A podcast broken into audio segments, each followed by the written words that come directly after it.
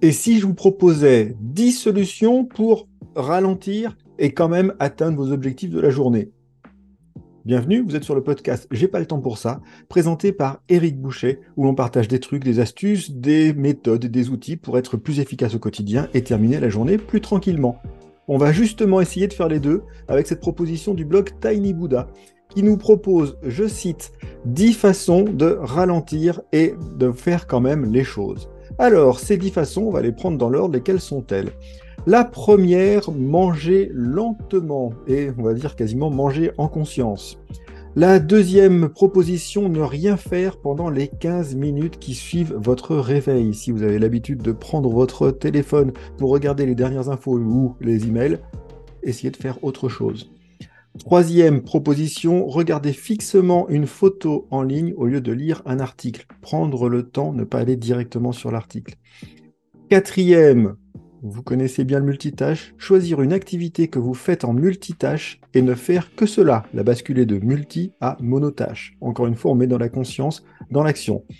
Cinquième élément, je vous propose de le tester dès que vous pouvez. Fixez votre télé éteinte pendant 10 minutes avant de l'allumer.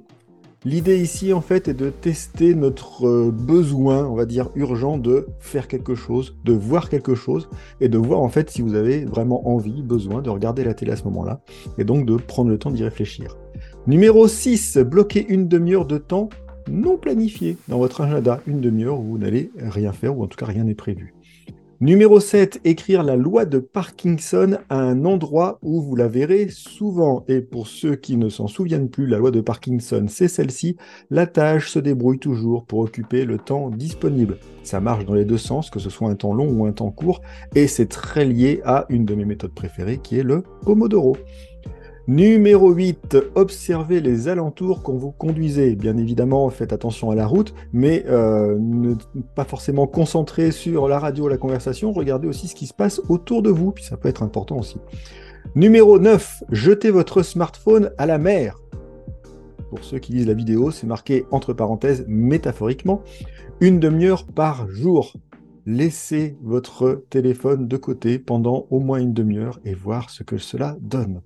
Et enfin, numéro 10, elle est intéressante quand il s'agit euh, d'être plus tranquille, se reposer, dire non. Euh, on pourrait rajouter dire non plus souvent. Euh, si vous avez vu une des citations de Warren Buffett sur la différence entre les gens qui réussissent et ceux qui réussissent admirablement bien, c'est qu'ils disent non plus souvent. Donc voilà pour ces 10 propositions de Tiny Buddha. Reprenez-les dans l'ordre. Lisez si vous avez la version de l'article, reprenez la vidéo et testez ce que vous voulez tester. Ce sera toujours intéressant.